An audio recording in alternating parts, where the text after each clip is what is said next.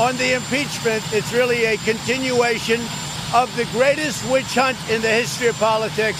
It's ridiculous. It's absolutely ridiculous.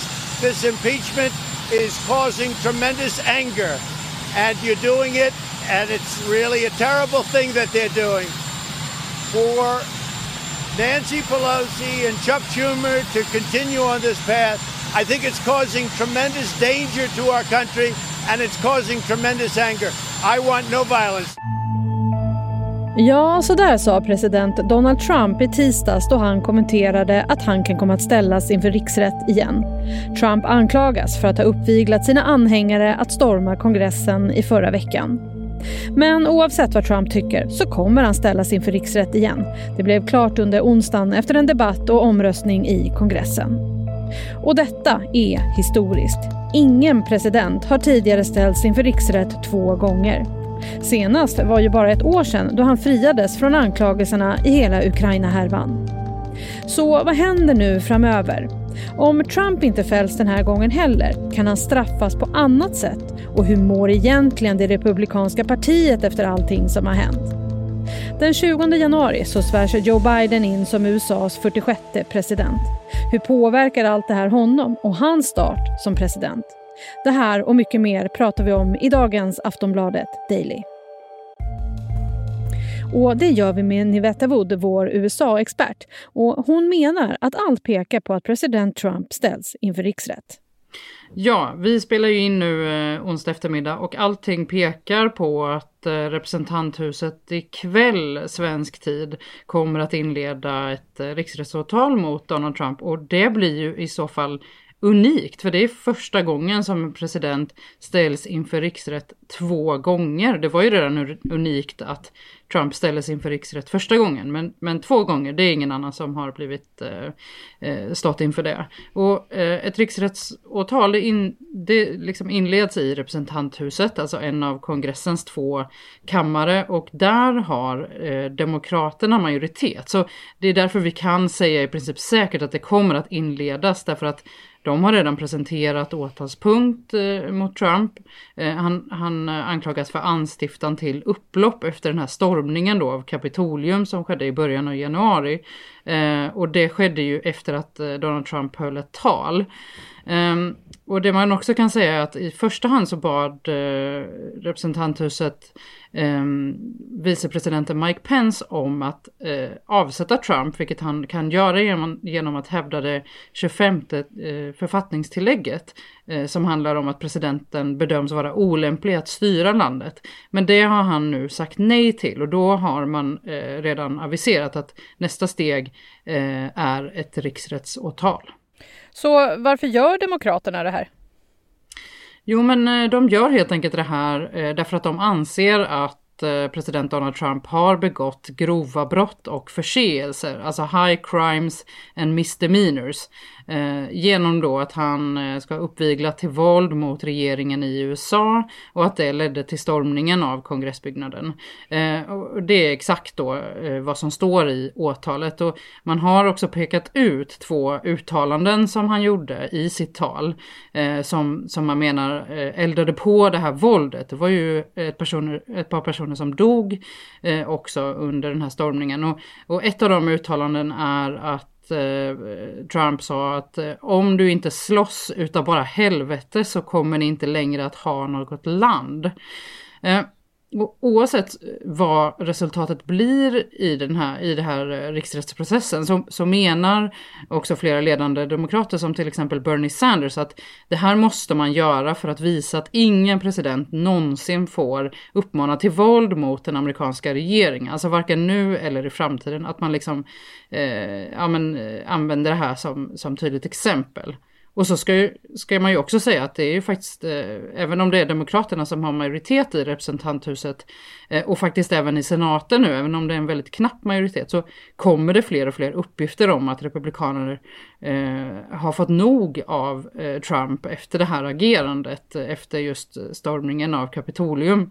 Eh, och en sån person som man kan nämna är eh, Liz Cheney som är alltså den tredje viktigaste republikanen i representanthuset, hon har väldigt tydligt nu sagt att hon kommer att rösta för riksrätt och det är väldigt stort. Ja, hur många republikaner är det som står bakom Trump egentligen nu? Ja, det här är verkligen den fråga som alla ställer nu därför att eh, det ser verkligen ut att, krackelera bland republikanerna. För att eh, som sagt, vi vet ju att i representanthuset så behövs det enkel majoritet för att rösta igenom riksrättsåtalet. Och det har ju demokraterna. Men sen då i senaten där själva rättegången eh, sker, där behövs två tredjedelars majoritet. Och, och då behöver ju ett par republikaner rösta för riksrätten eller att de bara inte närvarar för att den här två tredjedelars majoriteten gäller alltså för de som är närvarande senatorer. Eh, och eh, Demokraterna behöver då, eh, om alla närvarare, få med sig eh, 17 republikaner i senaten för en fällande dom. Och, och nu har det som sagt kommit eh, uppgifter om ett eh, par stycken republikaner, inte liksom alla som behövs, men att ett par stycken kommer att rösta för riksrätt. Och Dessutom, kanske, kanske nästan ännu större, så har det kommit uppgifter om att eh, senatens majoritetsledare, eh, republikanen Mitch McConnell, eh, han eh, har liksom ofta beskrivits som eh, trogen Trump eh, och eh, att framförallt att han inte liksom säger emot Donald Trump. Eh, det har nu kommit uppgifter som beskriver eh, att eh, Mitch McConnell har fått nog, att han avskyr Donald Trump efter, efter det som liksom hände efter Trumps tal och att han liksom eh, eh, ska, ska nu då vara positiv till en eh, riksrättsprocess och det är ju enormt. Ja, för att Mitch McConnell nu tycker så här, hur mycket påverkar han övriga republikaner med det? ja, men han är ju väldigt, väldigt eh, tung liksom i, i det politiska landskapet i USA och har ju som sagt då sett som, eh, även om han kanske inte har liksom varit en nära allierad så har han ju framförallt eh, liksom stått vid Trumps sida och, och eh, ja, eh, beskrivs liksom som en, som en tung republikan och som, eh, eh ja, en nära Trump helt enkelt eh, på, på olika sätt. Men om det här då stämmer, för det här är uppgifter i tidningar, eh, så är det ju, kan det absolut påverka. Så att det är verkligen, det är, det är tufft i Republikanerna nu och det är också väldigt intressant att se hur det här utvecklar sig. Ja, för hur splittrat är eh, det republikanska partiet nu? Ja, men alla de här uppgifterna tyder ju verkligen på att det är mycket splittrat i partiet. Det, det är nog den bästa sammanfattningen. För att eh, det här syntes ju faktiskt redan då när kongressen skulle liksom rösta för att bekräfta elektorernas eh, beslut. Alltså den 6 januari då när Trump höll sitt tal eh, Eh, och, eh, och, och liksom uppmanade kongressledamöterna att eh, att inte då bekräfta Joe Biden som ny president. Eh, och det var ju också då som stormningen skedde så att det började liksom redan där med att eh, vicepresidenten Mike Pence sa eh, att han kan inte göra det som, som Donald Trump bad honom om i senaten, alltså riva upp elektorernas beslut. Och, ehm, då var det tänkt att att eh, flera republikaner skulle liksom protestera öppet mot det här bekräftandet. Eh, men sen då eh, så inträffade ju stormningen och man kunde liksom inte ta det här beslutet förrän efter att stormningen var över. Och då var det flera republikaner som sa att jag hade tänkt komma hit och protestera men nu räcker det. Vi måste acceptera den här valförlusten och låta Joe Biden installera så att vi måste enas nu. Sen är det ju så här, rättegången lär ju inte hinna klart även om man börjar innan han avgår den 20 januari. Vad händer om han fälls? Ja, men eh, det stämmer. Eh, alltså oavsett vad så kommer Joe Biden att installeras eh, som USAs nya president den 20 januari.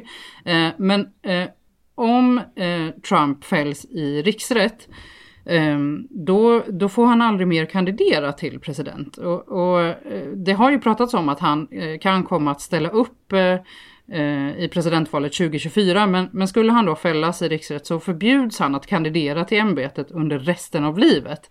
Och sen så blir han också då av med vissa privileg privilegier som en före detta president eh, fortsätter att ha eh, efter, att, att, eh, efter att mandatperioden är slut. Som till exempel eh, pension till både sig och till, till eh, Melania då, presidentfrun.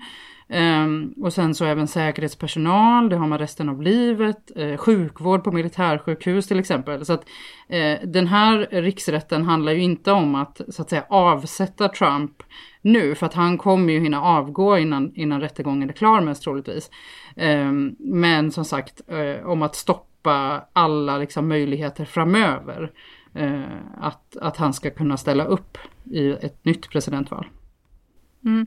Det är många som vill se Trump straffas på något sätt för det som hände. Eh, förutom att avsättas eller ställas inför riksrätt, eh, kan han, straffas, kan han straffas på något annat sätt? Ja, alltså det finns ju de som menar att han redan nu blir straffad därför att han har ju också stängts av på flera sociala medier för att eh, med, med liksom eh, motiveringen att han eh, eh, hetsar till våld och liknande. Och, och, det här är ju verkligen Trumps främsta sätt att, att kommunicera med sina eh, väljare. Um, och sen då så vi vet ju att det redan eh, pågår flera utredningar mot Donald Trump i liksom andra ärenden, eh, till exempel om skattebrott i hans eh, hemdelstat New York. Och sen så finns det faktiskt en, en utredning mot Donald Trump eh, som bedrivs i, av åklagare i delstaten Maryland och i Washington DC där eh, åklagaren utreder om, om Trump under sina år som president har liksom använt ämbetet för personlig vinning och det är ju förbjudet då enligt grundlagen.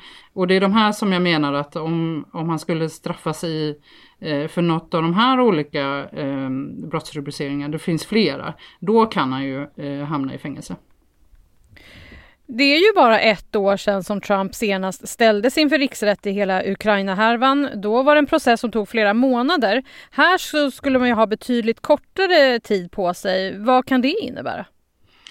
Eh, ja, men det går verkligen eh, snabbare nu. Det kan vi ju bara konstatera och det beror eh, bland annat på att det här är liksom en väldigt specifik händelse som, som alla såg eh, och som man liksom tydligt pekar ut. Eh, eh, det var tydligt att för, för de som hörde Donald Trumps tal och sen såg liksom den här stormningen av Kapitolium att, att det behöver inte utredas på samma sätt. Men vid det första riksrättsåtalet så då fick ju liksom representanthusets eh, juridiska kommitté hålla förhör och göra liksom en utredning. Det tog tre månader i den här Ukraina-frågan. Eh, och nu så gör man alltså detta på några dagar och det har eh, presenterats ett fyrasidigt åtal där man eh, säger då att Trump har satt säkerheten för USA och eh, dess institutioner, alltså att man, han har liksom eh, försatt dem i fara och att han, om han då skulle fortsätta i ämbetet, till exempel då genom en ny Eh, presidentperiod, att han då skulle vara, fortsätta vara ett hot mot nationell säkerhet och demokrati och även grundlagen. Och, och man väver faktiskt också in det här, de här uppgifterna om att eh, Donald Trump eh, försökte påverka valresultatet i delstaten eh, Georgia. Han ringde ju upp till valansvariga där och liksom bad dem eh, att hitta hitta röster som skulle vända valresultatet för, för, till hans fördel då i presidentvalet. Det var ju Joe Biden som vann i delstaten Georgia. Och om vi tittar lite på Joe Biden då, vad betyder det här för honom? För om Trump ställs inför riksrätt så lär ju Biden inte få de där första hundra dagarna i lugn och ro för att påbörja sitt presidentskap. Är Demokraterna liksom villiga att offra det för att straffa Trump? Det här har eh, tagits upp, alltså hur liksom själva processen ska gå till. För att eh, samtidigt då så, så ska ju eh, senaten framförallt ägna sig åt det här som man brukar ägna sig åt eh, när en ny president installeras. Alltså att godkänna ministrar till olika ämbeten. Och, ehm, ett förslag från eh, den eh, nya då majoritetsledaren eh, för Demokraterna eftersom det är Demokraterna som kommer ha majoritet i senaten. Han heter Chuck Schumer. Han har sagt att man Eh, eh, kanske ska eh, dela upp dagen, alltså att halva dagen eh, går åt till rättegången då eh, mot eh, Donald Trump och att eh, andra halvan ska man då lägga på att fråga ut och sen godkänna ministrar men också till exempel eh, till att diskutera och godkänna det här coronastödpaketet som Joe Biden har sagt att han ska föreslå. Det, allt är ju liksom lite oklart för att det, det, har inte riktigt skett på det här sättet förut. Och eh, ja, vi är ju också i ett läge där eh, coronapandemin eh, fortsätter i, i, verkligen en rasande fart och helt, åt helt, helt fel håll i USA där, ehm, där det är väldigt höga dödstal och, och, och, det pågår en vaccinering dessutom. Så att, och Joe Biden har ju verkligen lyft att, att coronapandemin kommer vara liksom hans första och högsta prio. Så det är väldigt mycket saker som ska ske samtidigt och vi kommer nog helt enkelt att få se lite hur det går till för att det är som sagt okrattad mark det här. Sist här hörde vi Nivetta Wood som är utrikesreporter på Aftonbladet. Jag heter Jenny Ågren och du har lyssnat på Aftonbladet Daily. Och I nästa vecka då kommer vår nya podd ut där jag och Nivette snackar om saker som händer utanför Sveriges gränser. Och Vi börjar nästa onsdag när Joe Biden svärs in som ny president i USA. Håll utkik i din poddspelare. Daily kommer ut varje vardag med nya avsnitt och du får gärna följa oss så du inte missar några avsnitt. Vi hörs snart igen. Hej då!